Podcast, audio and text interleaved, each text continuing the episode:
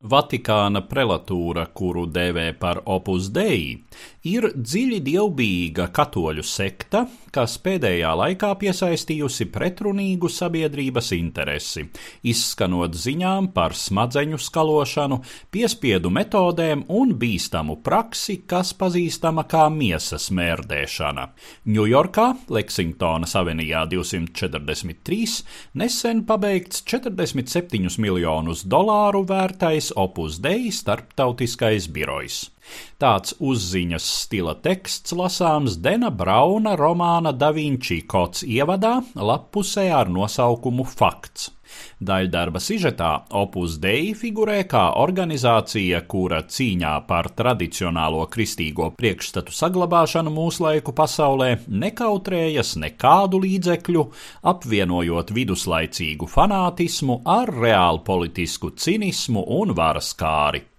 Ja ievēro, ka 2003. gadā iznākušais romāns nu jau tulkots 44 valodās, tā kopējais metiens pārsniedzis 80 miljonus eksemplāru, un arī tāda paša nosaukuma ekranizācija dažus gadus vēlāk bija globāls grāvējs, tad saprotams, ka Brauna sižets nesis visai plašu un ne to labāko slavu organizācijai ar nosaukumu Svētā Krusta un Dieva darba prelatūra, par kuras rašanās datumu uzskata 1928. gada 2.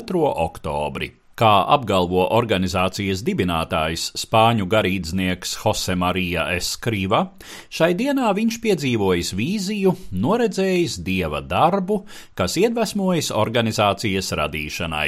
Attiecīgi izvēlēts nosaukums - Dieva darbs, latīniski opus dei. Organizācijas mērķi dibinātājs formulē kā izpratnes radīšanu ticīgajos, ka, citējot, viņu dzīve ir svēta svētuma un evanģelizācijas ceļš, un tiem, kuri pieņem šo svētuma ideālu, opus piedāvā garīgu atbalstu un apmācību, kas tiem nepieciešama, lai īstenotu ideālu praksē.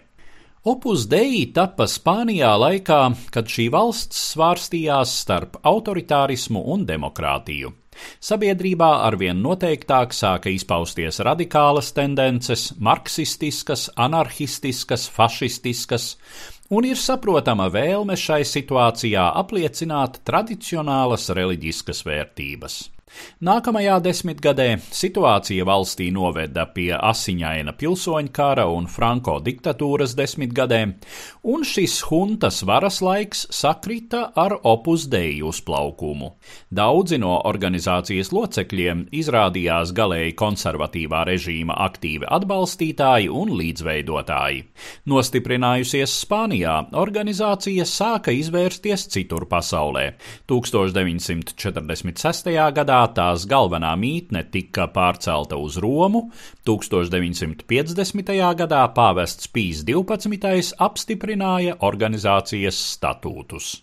1982. gadā Opus Dei kļuva par Romas katoļu baznīcas personālo prelatūru, tas ir struktūra vienību, kura nav kā tradicionālajām prelatūrām saistīta ar teritoriju, bet gan ar tai piederīgo personu loku. Šobrīd organizācija organizācijas dalībnieku skaits visā pasaulē tiek lēsts uz apmēram 95 tūkstošiem cilvēku. Kā tad ir ar Dena Brauna lietoto apzīmējumu sekta un piesauktajām miesas mērdēšanas praksēm? Protams, romāns un filma šai ziņā nav uzskatāmi par autoritatīvu informācijas avotu. Sākot jau ar to, ka opus dei nav garīgs ordenis, tajā neuzņem mūkus, un arī garīdznieku tā rindās ir vien pāris procentu. Kā norāda organizācijas oficiālie pārstāvji, tā pati par sevi nav nedz slepena, nedz arī savā ideoloģijā vai praksē pārkāpja vispār atzītās katoļu baznīcas ievirzes. Netiek gan noliegts, kā daļa organizācijas biedru piekopja celibātu un pakļauj sevi fiziskiem pārbaudījumiem, taču tas notiekot tikai brīvprātīgi un nekādā ziņā nav mazohistiska pašmocība. Tomēr aizdomas turpina pastāvēt, un opus dei tiek piesaukta kā pretrunīgāk vērtētā katoļu baznīcas struktūra. Stāstīja Eduards Liniņš.